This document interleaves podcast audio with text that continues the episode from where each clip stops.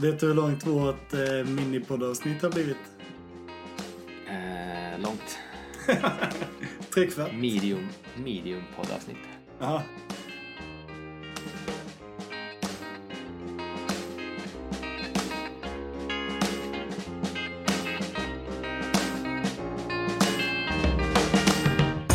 Hej och välkommen till ett eh, försenat nytt avsnitt av eh, Artisan-podden heter det. Eller försenat, vi har ingen tidtabell men eh, det var länge sedan nu Jonas. Eller, Mm. eller hur? Mm. Det var typ, det var en månad sedan. Och eh, Är det verkligen så länge sedan?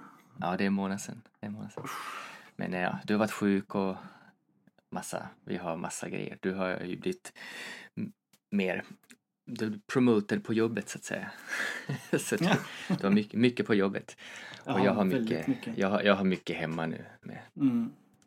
med allt. Och så är folk sjuka här också den här veckan nu så att det, det har varit eller ja, inte sambon är sjuk.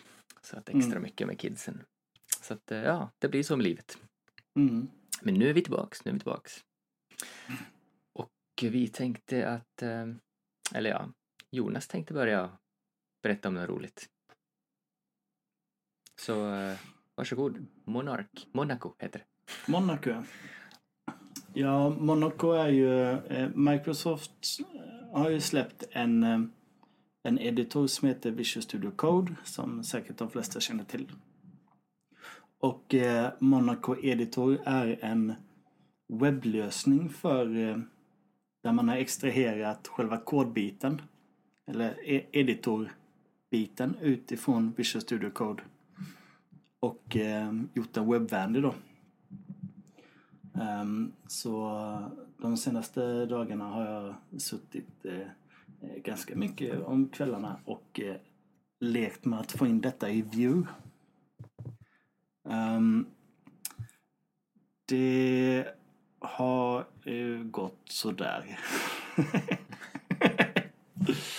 alltså problemet är att eh, att eh, Monaco Editor är baserat på eh, AMD. Eh, och eh, därmed så, så finns det ingen... Eh, man kan inte använda Webpack för att eh, eh packa ihop allting och, och, och så vidare. Utan eh, man, eh, man behöver en AMD-loader. Och det som eh, Microsoft gjorde nu i veckan då var att eh, de har släppt en, en Webpack-version som, eh, ja, vi är väl ett par, fyra, fem stycken som har hållit på att eh, krångla järnet med det här då.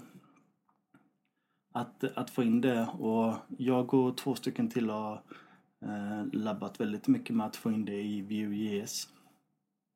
Men, eh, Mm. men eh, det, de är inte riktigt hemma känns det som. Mm. Det, det är massa på... eh, eh, Så som det fungerar så, så eh, editorn eh, har väldigt mycket beroende på webworkers. Så att Okej. eh, skicka en massa event till, till webworken då. Och eh, det är där någonstans som det pajar. Jag är, jag är ju absolut ingen eh, ingen fena på hela Webpack och AMD. Jag vet knappt vad skillnaden är. Så jag ska väl kanske inte gå in för mycket på, på djupet om det. Men eh, det är ett väldigt, eh, väldigt spännande projekt och eh, Monaco Editon verkar vara väldigt, eh, väldigt bra. Man, eh, man kan till exempel få upp, eh, om man eh, trycker Command Shift P i Visual Studio Code så får man ju upp den här klassiska command, kommandopaletten. Ja, just, just det. Mm. Sådana saker har, finns med i webbvarianten. Så jag kan tänka mig att man kan använda det väldigt mycket för att, för att bygga vidare på vad man kan göra med editorn. Då. Byta, byta teman och säkert eh, eh, byta, byta öppna filer och så vidare också. Mhm. Ehm, Så det är ett väldigt spännande projekt. Jag skulle väldigt gärna vilja få in det och få det att funka i Vue. Men eh, ja, vi får se lite hur det går. Just det. Du har, har du det i åtanke till något projekt du använder det då eller, vad- eller vad, vad är use caset för i ditt fall? Här? Ja, det är ju för att kunna redigera. Eh, på, på jobbet så har vi eh, så att man kan redigera eh, filer i vårt system. Okej. Eh, komponenter, inte view-komponenter då men eh, site direct-komponenter så att säga. Mm. Och ehm, det hade varit väldigt trevligt att kunna få in den i en sån. Som det är Mm. nu så använder vi typ Ja, vi använder Code Mirror, någon version gammal typ. Mhm. Det hade varit eh, kul att byta ut den. Och sen så, Eh. jag blir väldigt, eh, jag, jag tycker att sånt är väldigt roligt. Så, så jag blir väldigt eh, taggad och eh, engagerad när det är en arbetskamrat som började titta på Monaco Editorn. Mm. Ehm, så jag blev väldigt nyfiken när han började leka med det. Men det, den är eh, två frågor. Är det, är det väldigt stort? Och sen min andra fråga är, den är det blir bara ren, eh, den här rena editorn då. Man kan inte eh, dra nytta av några plugin som finns till VS Code exempelvis. Eller, Nej, precis. vet, nej, De, de är inte kompatibla på det viset. nej. Använder de det själv bättre i Visual Studio Code då? Eller är det här en separat grej från? Nej, alltså de har ju extraherat eh, själva editorn. Det, det, det här är väl egentligen själva kodfönstret som man skriver i. Så man, Mm. får, man får ju minimappen och man får eh, kommandopaletten som sagt. Och Mm. jag kan mycket väl tänka mig att eh, eh, temana är kompatibla också. Ja, just det.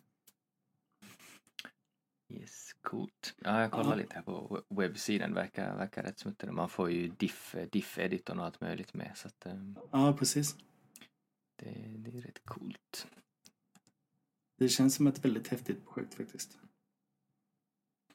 Ja, så det kan vara rätt användbart. Alltså många sådana här är ganska, som man kan lägga in på sina egna projekt, är ganska eh, enkla. Mm. Eh, på så sätt. Eh, om det här verkar vara det verkar vara fortfarande i version 0.11 så att det är fortfarande ganska Mm. early days känns det som. Mm. Eh, men eh, bara diff-editorn gör ju ganska mycket om man eh, på något sätt kan spara kunder. Säg vi, vi har exempelvis, um, har ju, våra kunder kan ju lägga upp CSS-filer för att modda hur kommentarsfältet ska se ut.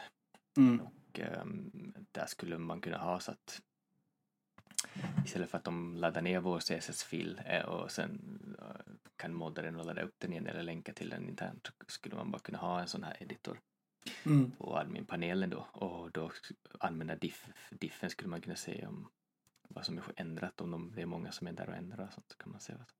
Mm. Så det, det Just det, du, nice. du får ju också Du får autocomplete in också. Ja, okej. Mm.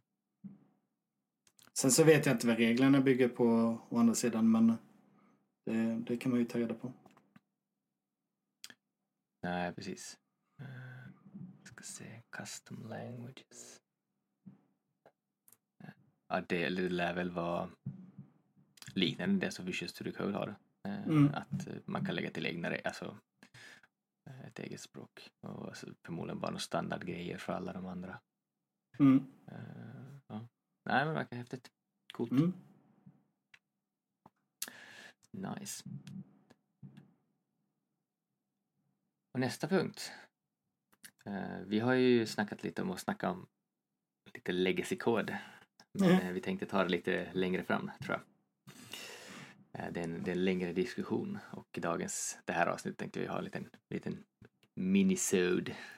Mm. liten kortis bara, eftersom det var så länge sedan, länge sedan vi hade något nu och Mm. trötta och det finns annat att göra. Eh, men eh, en sak här, Jeffrey Way, eller Laracasts, har ju kommit ut med en ny serie eh, som heter Code Reflections. Åh åh, nej, nej, nej, nej, nej. Åh, jag råkade sätta igång videon, den har hängt. Eh, Code Reflections. Eh, det har kommit ut två, två avsnitt. Eh, den första heter Is it better? Eh, där han snackar, där han refaktoriserar ganska mycket kod. Eh, om jag inte, för att enkelt förklara det. Han har eh, lite grejer som ligger i modellen.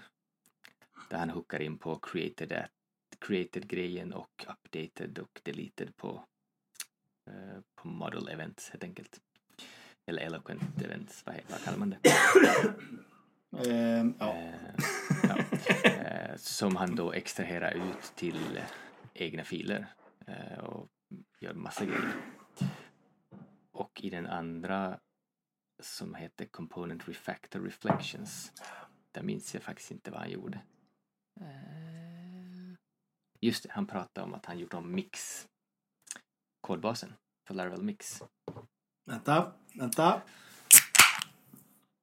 Skål. ja. Eh, han gjorde om kolbasen för Laryl Mix. Eh, också maxade refaktorisering. Eh, liknande det han gör i första avsnittet. Men på en helt annan basis. Eh, så om ni inte har sett de här avsnitten så kan vi rekommendera att titta på dem eh, för att få lite eh, kött på benen om vad vi kommer att diskutera här nu. Eh, men i grunden handlar det om den här, det vi ska diskutera nu om är det värt, alltid värt att refaktorisera till eh, för att typ så att koden ska hamna under solid-grejer eller någon andra kodar, eh, utvecklar regler som någon har hittat på?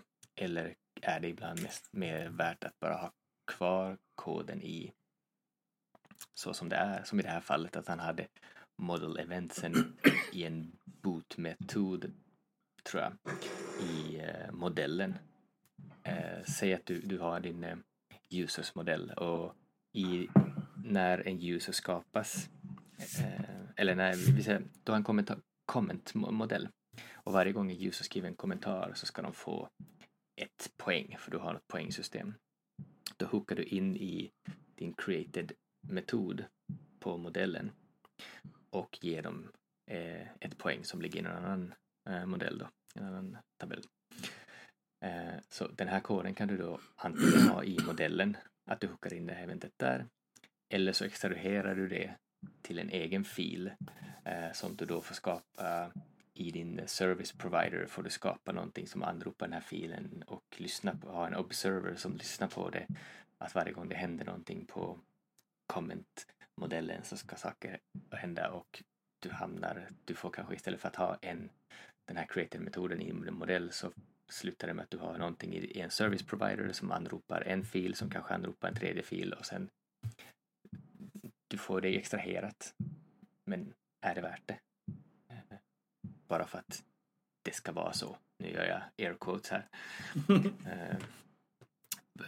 Vad, vad, tycker du eh, Jonas? Om vi börjar med det första avsnittet, det här med att liksom refaktorisera för refaktoriseringens skull för att det ska vara så enligt påhittiga regler. Vad, vad tycker du?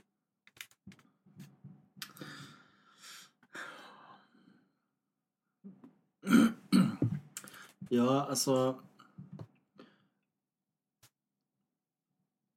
I det exemplet som han tar fram. Eller alltså det som han gör i videon. Där går han ju verkligen all in på Mm. craziness. Mm. Och så som han gör det tycker jag att det blir alldeles, alldeles för mycket. Jag tror att han, eh, han skapar väl upp eh, typ 15 olika klasser för att göra, Mm. för att göra typ tre saker. Ja, typ. Och till slut så det går inte att läsa det han, eh, det han visar. Tycker inte jag. Så han, han gör det way too much. Samtidigt så tycker jag att det finns absolut en poäng i att, i att eh, hålla sig till ehm, till, sitt, till ett pattern. Eh, Alltså till, till, till en, en struktur som är given. Ehm, observers till exempel tycker jag eh, absolut att det kan vara ett väldigt bra koncept. Mm. Ehm, det blir lätt att, eh, att hitta vid uh, observern. Och egentligen så tycker jag att, inte att man behöver gå så mycket längre än att om du har en modell som gör en sak, ja visst, då kan du skapa en observer. Mm. Så du har liksom en thread observer i så fall Ja, precis. som lyssnar på hela modellen. Ja, För um, lite så här background här, jag kan se, ha det uppe det här nu. Det han har från början då att i hans thread-modell då så har han en eh, boot-metod som körs varje gång modellen laddas, eller ja, sorry. Eh, och där har han dels en deleting för saker som ska hända när en thread tas bort och för created.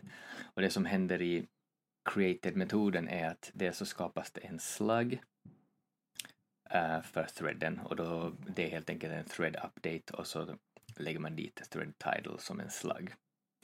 Eh, och sen har han ett event som publiceras vilket är thread was published och då så skapar han en thread creator gain reputation det vill säga någon får ett poäng eller vad det nu är han gör. Uh, och, det som, och, och sen har han en deleting-modell då som tar bort alla replies för en thread om threaden deletas och uh, man får ett minuspoäng då om användaren som har skapat uh, tråden. Och det han slutar med, eh, ska se här, om jag kan spola tillbaks där jag var innan.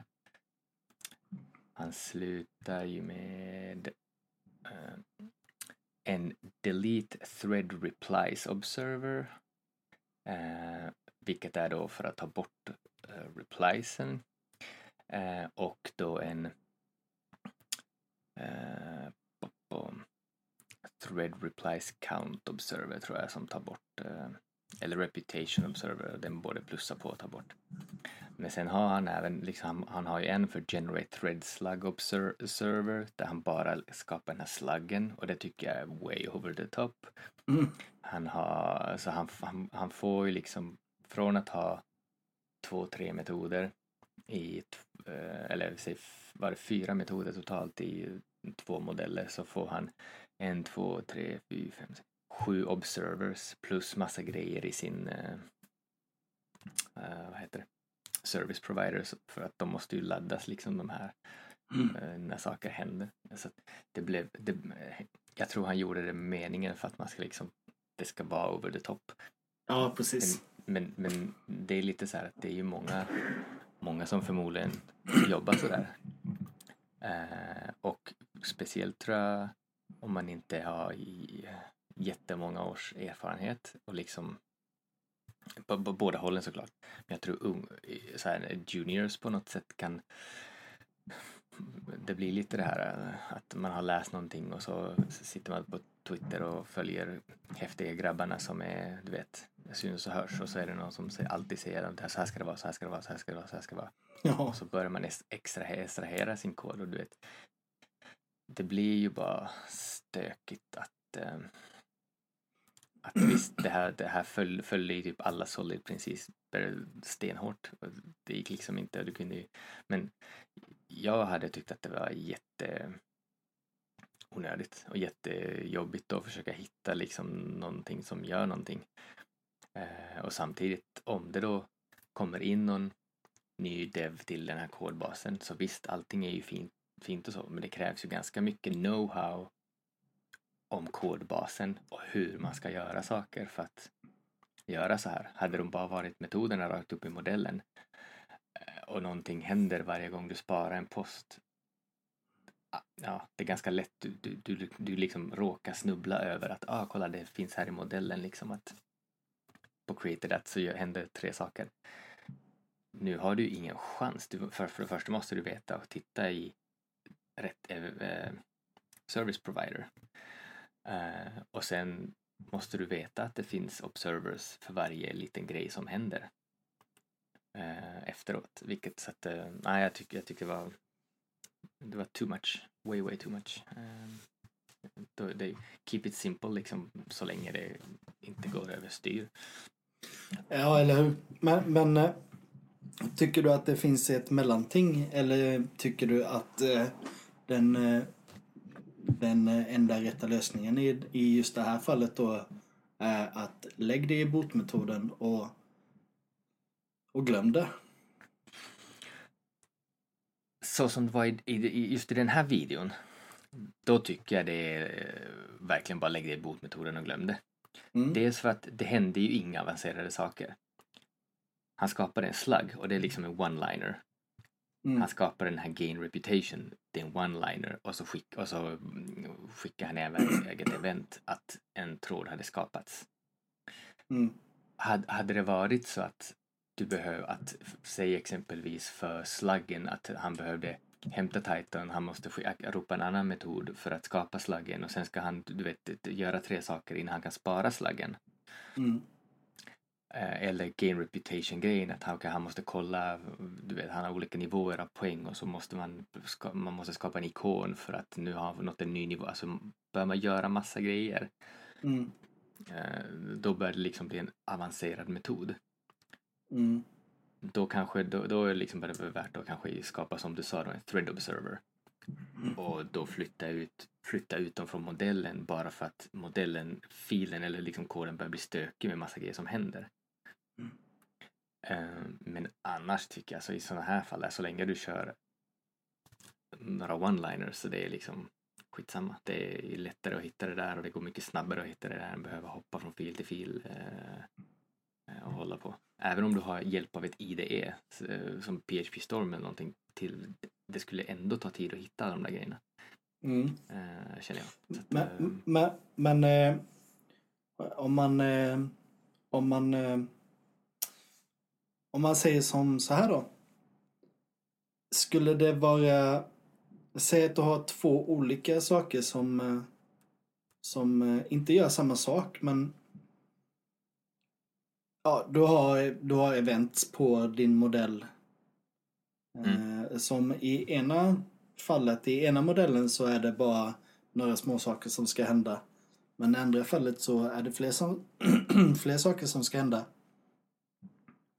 Är det, är det skitsamma då att eh, man kör det i en botmetod i ena fallet och en observer i andra fallet? Eller ska man vara, eh, ha ett spår och bara köra på botmetoden eller bara köra på observern? Har du med på vad jag menar? Ja, ehm, spontant vill jag säga det är skitsamma. Kör, kör i bot på ena och kör en fil i andra. Mm. Ehm, men det beror ju också på... Alltså... Det gäller, man, man ska ju vara konsekvent på något sätt. Och, och det beror väl på kanske storleken av, ett, eh, av kodbasen i allmänhet. Mm. Eh, och så vidare. Ehm, men eh, ja, jag, ja, jag tycker det kan skita. Alltså skulle du ha exempelvis att du på created-metoden alltid behöver skicka ett, ut ett event och det är det enda du gör, säg på threaden, Mm. kör det i bootmetoden på modellen. Mm. Eh, medans då säg att på någon annan så händer det en massa andra saker eh, som behöver göras. Eh, eh, så, ja. Eh, men där, där är också frågan, säg att du har, säg att du skickar ett event på alla created, på alla modeller. Ett event skapas för någonting. Du skulle kunna ha eventskickandet i en bo- created ad i boot-metoden i modellen. Och sen händer det även andra avancerade saker som du då har extraherat i en observer. Så du har Mm. både och för samma modell. Jag gissar på att, jag, jag, jag, vet inte om det funkar, men jag, jag gissar på att det, jag ser ingen anledning till varför det inte skulle funka. Du kör ju en parent boot ändå i den. Så, Ja, jo absolut. Det är det garanterat. Eh, för, för där är också, annars måste du ju göra en, en, säg en thread event observer. Mm. Egent, alltså, eller ja, om du bara har en thread observer så kan du slänga allt i ett. Men samtidigt kan det ju vara skönt att se den här eventet skickas på just created på modellen. Är du med Mm. på vad jag menar? Ja. Absolut. Eh, för, för vissa lägger ju in eventet exempelvis i controllern. Så att du sparar undan någonting och när det har sparat så skickar du ett event att en användare har sparat och då gör du det i controllern. Det blir ju, så det är vilket som, då är det ju lite som att ha den i created, alltså ja. Mm. Eh, Det är väl typ där man skulle börja. Du kanske inte börjar med att skapa ett model event-grej och skapa eventer utan om du ska mm, säga att du har en, en, du har en eh, user som skapas då i din controller så ska, skapar du, tar emot ja, username, password, bla bla bla, sparar undan i, eh, i din databas och så returnerar du en vy. Mm. Och så kommer så nu, i det fallet, nu, när man börjar med ett projekt, då kanske du har en new event, ja, send event user created direkt i controllern innan du returnerar en view, Mm. tänker jag. Så gör jag i alla fall jag. när jag, skulle, jag skulle inte börja med att göra massa model events från, från start liksom. Ja, ja, att, eh, och, och, om du skulle fråga mig det för en månad sedan så hade jag nog sagt samma sak. Men Mm. Jag tror att idag så hade jag föredragit att göra det med model events. jag frågar mig om en månad så kanske jag säger samma sak. Ja. För nu, när jag såg hans video, det första när jag började se videon, jag bara oh, observers, det var ju skitbra, ballt och smart ju. Och Ja. sen när videon gick så jag bara, fast det där var ju jätteonödigt, det är mycket för de där grejerna. Så att Mm. eh, det finns ju, ja. Men, eh, nej, men absolut, model observers tyckte jag verkade skit eh, smart sätt liksom. Men det, det, är liksom en gräns där känner jag på något sätt. När det börjar bli mycket, Mm. då Nej, men, nej, alltså jag tror... när det är dags liksom. Ja, men eh, det var inte det jag syftade på utan jag syftade på att eh, kasta events från eh, eh, controller. Ja, jo, jag, jag, jag förstår. Ah, Men okej. eh, över, överhuvudtaget liksom. eh, Mm. För att så. Men vad tyckte du om andra videon då? När han körde på refaktorisera mixkoden. Det var ju lite samma use case där. Kan man säga. Ja, precis. alltså, skillnaden är ju att så som mixkoden var innan så var den ju väldigt stökig. Mm. Ha- Han, och och det, det var ju, alltså, det blir så tydligt när han visade för att eh, det, han börjar med att berätta att, eh, ja kolla här gör den, för att eh, ha stöd för browser sync så måste jag gå in i denna filen och sen för att göra en sak och sen så ska jag gå till denna filen för att göra en annan sak och så är det typ fyra eller fem olika filer som han gör olika saker i som allting hör ihop med browser sync. Mm. Och det, det så som han har refaktorerat det då så samlar ju allting till ett ställe. Mm. Så det blir ju ett sätt att, eh, att städa. Och, och, och jag tycker att det är lika tydligt i den videon att han gör någonting bra som det är Ja, tydligt att han gör någonting dåligt i den första. ja, precis. Men, eh, Ja, han men den får tycker ju, jag är han väldigt får bra. ju en, en fil per Plugin. modul som plugin precis som krävs eh, för att göra. Mm. Vilket i längden också gjorde att det blev enklare för den som använder Mix, det vill säga oss, att lägga till egna moduler eh, när vi behöver det. Mm. Eh, För han skapade i princip en, eh, en modul, liksom startare, eller man ska säga, som man kan lägga till modulerna på. Mm. Så att, ja, jag håller med där. Det kändes som, ett, som en städvideo. Ja, men det var det ju lite också. Ja. Eh, Så att, eh, men, så att, Ja. två, två helt olika videos men eh, liksom på det. Jag, jag undrar om man ska ha fler i den serien för det skulle vara intressant att se något lite så här mellanting. Eh, För nu var det verkligen lite svart eller vitt här. eh, Känns det som. Mm. Mm. Ja, det, det hade varit intressant att se, eh, se de casen som är där det faktiskt är luddigt. Mm. Mm. Ja, ja, eller som vi diskuterat, liksom, det, det kanske är värt i ena modellen men inte i andra modellen. Eh, Mm. Och vad, vad, vad händer då? Hur tänker han eh, då? Inte för att han är någon gud, men mm, liksom se hans... eh, se vad han tycker så. Eh, Mm. Men Det, det varit rätt mycket snack om refaktorisering från alla möjliga håll tycker jag. Från, jag har hört eh, olika poddar och han eh, tog upp det i sin eh, podd också lite. Mm. Eh, så här. Är det den eh. Don't Overdo It du tänker på? Ja, jag tror, ja, ganska nylig. Den sen, Mm. Näst senaste tror jag, eller senaste. Mm. lite efter i hans podd. Så att, eh, med många, men det är alltså jag generellt tycker jag så att gör det, gör det inte svårt för dig i början. Det är ändå din, oftast är det ju din kod liksom. Mm. Utan vill du, vill du göra något, inte följa varenda jävla regel och regel eh, och så vidare som finns liksom, så skit i det, bara, bara kör och så kan du göra, refaktorisera sen. Mm. Eh, famous last words i och för sig. Man, sen när det väl gäller så har man alltid tid att refaktorisera. men, men, eh, men ja, det kanske, alltså det känns lite som att du målar in dig lite i ett hörn också att om du väl, för börjar du för svårt och du slutar liksom halvvägs in i applikationen och göra det rätt så att säga Mm. så kommer det bara bli jättekonstigt. Mm. Eh, så att ehm, då går det åt andra hållet. Mm. Och jag tycker det är nästan det är nästan värre än att ha gjort det andra hållet från början liksom att du lägger allting i samma fil från början och sen extraherar när och om det verkligen behövs. Mm. Om det och om det behövs, det är ju liksom en smaksak också. Eh, Mm.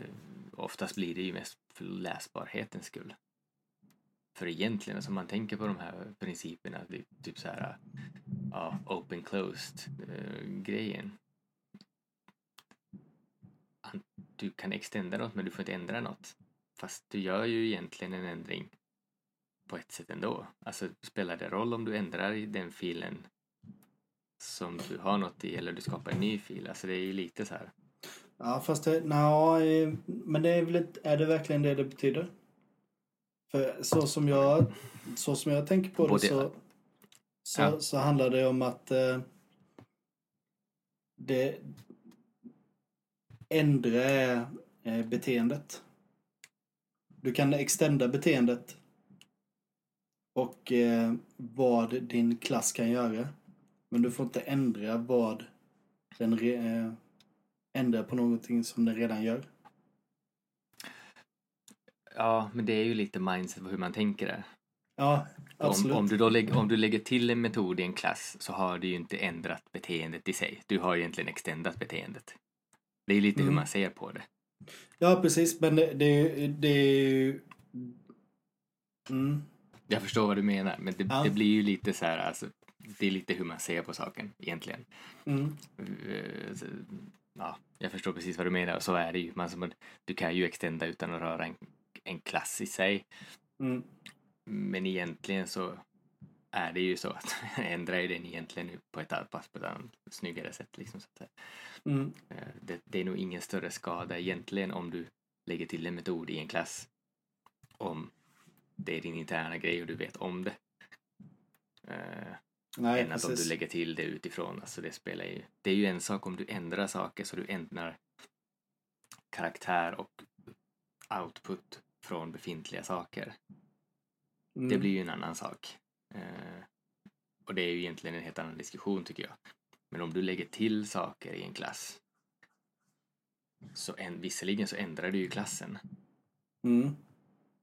men du har ju inte ändrat något av det befintliga. Met, alltså metoden använd, an, alltså på det sättet. Du har ju bara lagt till något nytt. Ja, precis. Så att, eh, ja, API menar du? ja exakt. Alltså det, det är lite hur man ser på det tycker jag på ett sätt. I vissa fall då. Mm. Ehm, Så att det, ja. Ja, Man får ja. versionshantera sina klasser. Gör du inte det? version one. Ja. ja. Ja men... ehm, Det där, det där tycker jag det är en väldigt spännande diskussion. Det... Det tycker jag vi ska prata vidare om. Kanske inte i det här avsnittet. Nej, vi kan ha en, eh, en till sån här minisod och snacka om eh, såna, såna grejer. Regler. Regler, ja. ja, det var konstapel Erlandsson. Jag skulle vilja säga här att... eh, Det är så Twitter funkar. Reddit är ännu värre, va? Ja, jag, jag hänger inte så mycket på Reddit så jag vet faktiskt. Det är en jättestökig sajt. Jag förstår inte varför folk tycker om Reddit. Nej, jag fattar inte det heller. Men det verkar vara många som gör det. Ja, eller så råkar jag alltid bara hamna på någon kommentarstråd-grej och så det är därför jag inte fattar det. Mm. det kan vara det. Jag vet inte. Ah. Ja. ja, men det var lite cold reflections. Ehm, ni, får, ni får gärna skriva era tankar till oss på, på Twitter eller skriv på Fejen eller kom och snacka på Slack eh, om ni känner för det. Så eh, skriver ni på Twitter så kan vi starta riktig flame war på Twitter om eh, grejer. Det är alltid kul. Ja, Så kan vi precis. tagga gärna Jeffrey och du vet alla de här äh, Laravel-nissarna så de kan bränna av lite de gillar att bli taggade.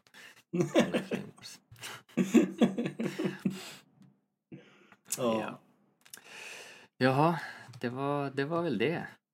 Mm. Eh, 45 minuter, vi säger min 9 minuter. Ja, 30 minuter. Det är ganska bra det här. Eh, innan vi uh, wrappar upp för dagen. Har du något du vill uh, plugga eller något du vill eh, berätta om? Någon uh, pix av något slag?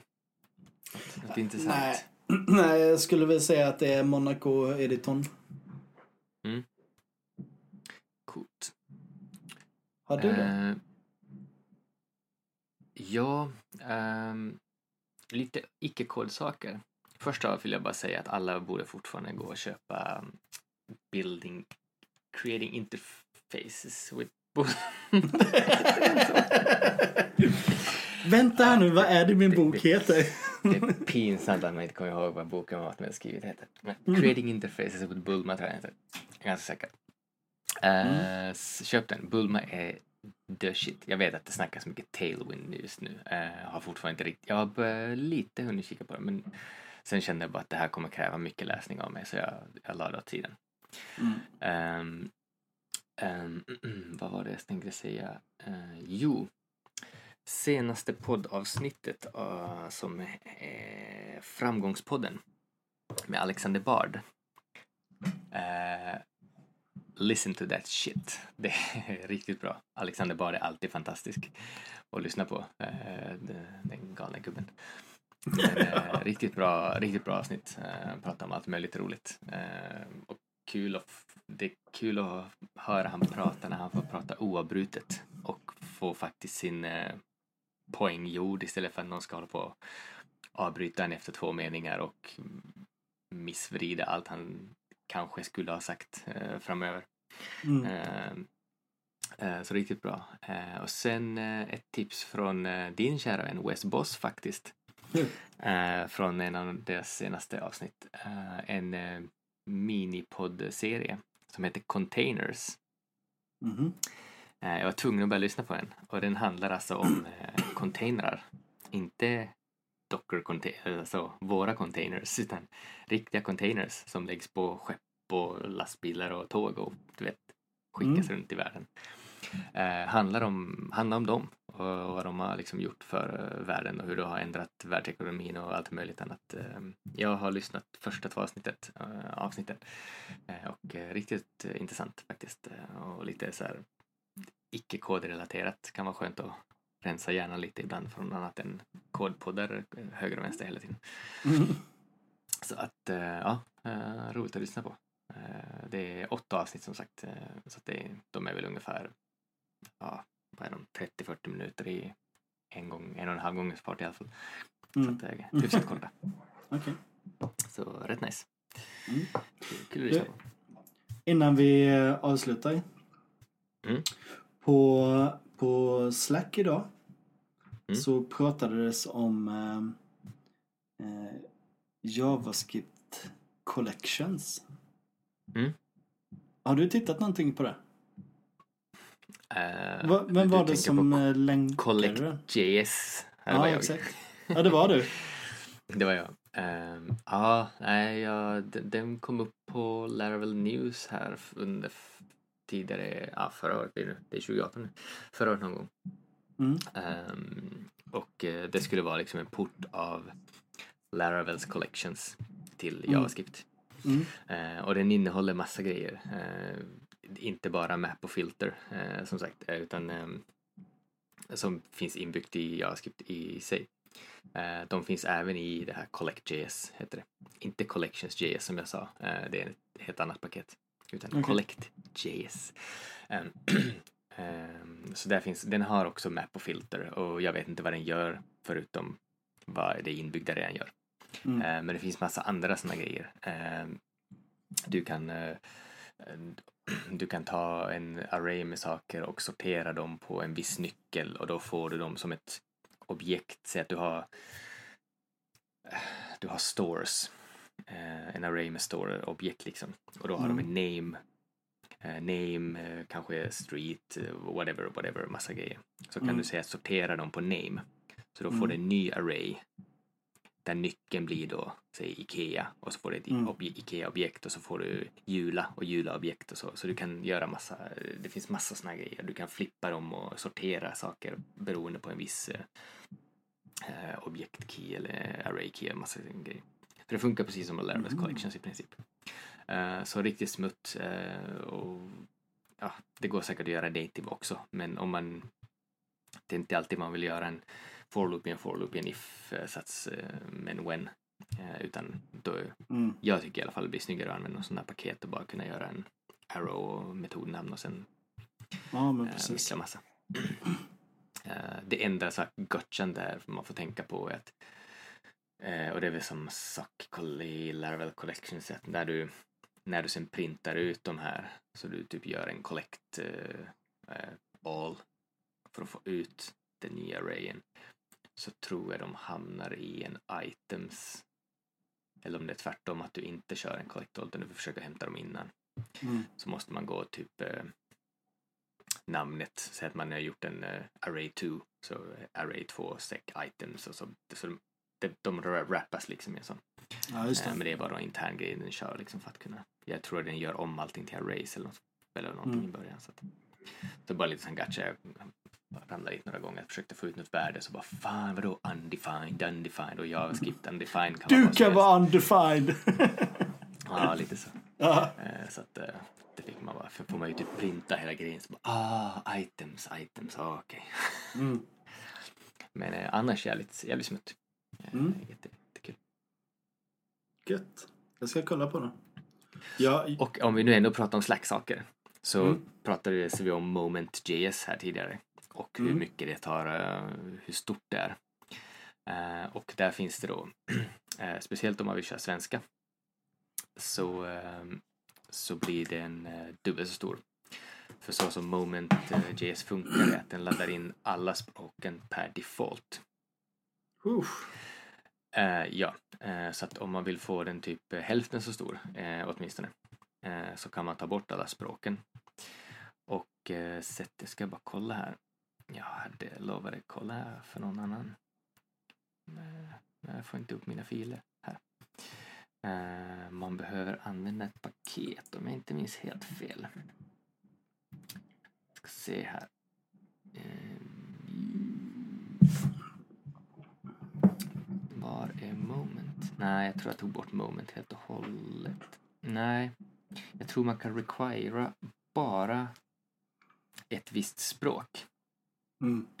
Så istället för att dra in eh, moment och sen eh, definiera språket så som deras dock säger. Så, så som jag gjorde var att jag kör bara en require moment slash local lokal slash sv. Då drar man Mm. bara in det språket man har. Okej. Eh, och då blev man av med x eh, 100 kilobyte. Mm. Eh, så det var, det var riktigt smidigt faktiskt. Mm. Eh, det fanns någon, jag ska kolla om jag hittar en länken där jag fick det här tipset. eh, Så kan folk läsa själva. Lägger det i show notes. Eh, Mm. För det var något många hade klagat på. Jag vet inte om de har gjort om Moment nu så att man kan ladda bara delar. Jag vet att det, tror det pågick upp, eller det fanns en issue för det i alla fall. Mm. Men eh, han, de, han eller den som är ansvarig har mycket att göra så det var inte riktigt prio. Ett stort jobb också kanske att dela upp alla paketen. Mm. Så som det är byggt. Ja, nej men eh, vi wrappar väl upp den här fredagskvällen då. Mm. Och säger eh, skål. Och eh, trevlig helg. Och eh, för alla er som lyssnar i två gånger hastigheten så skulle jag bara vilja säga hej då, tack så mycket, ha en bra kväll.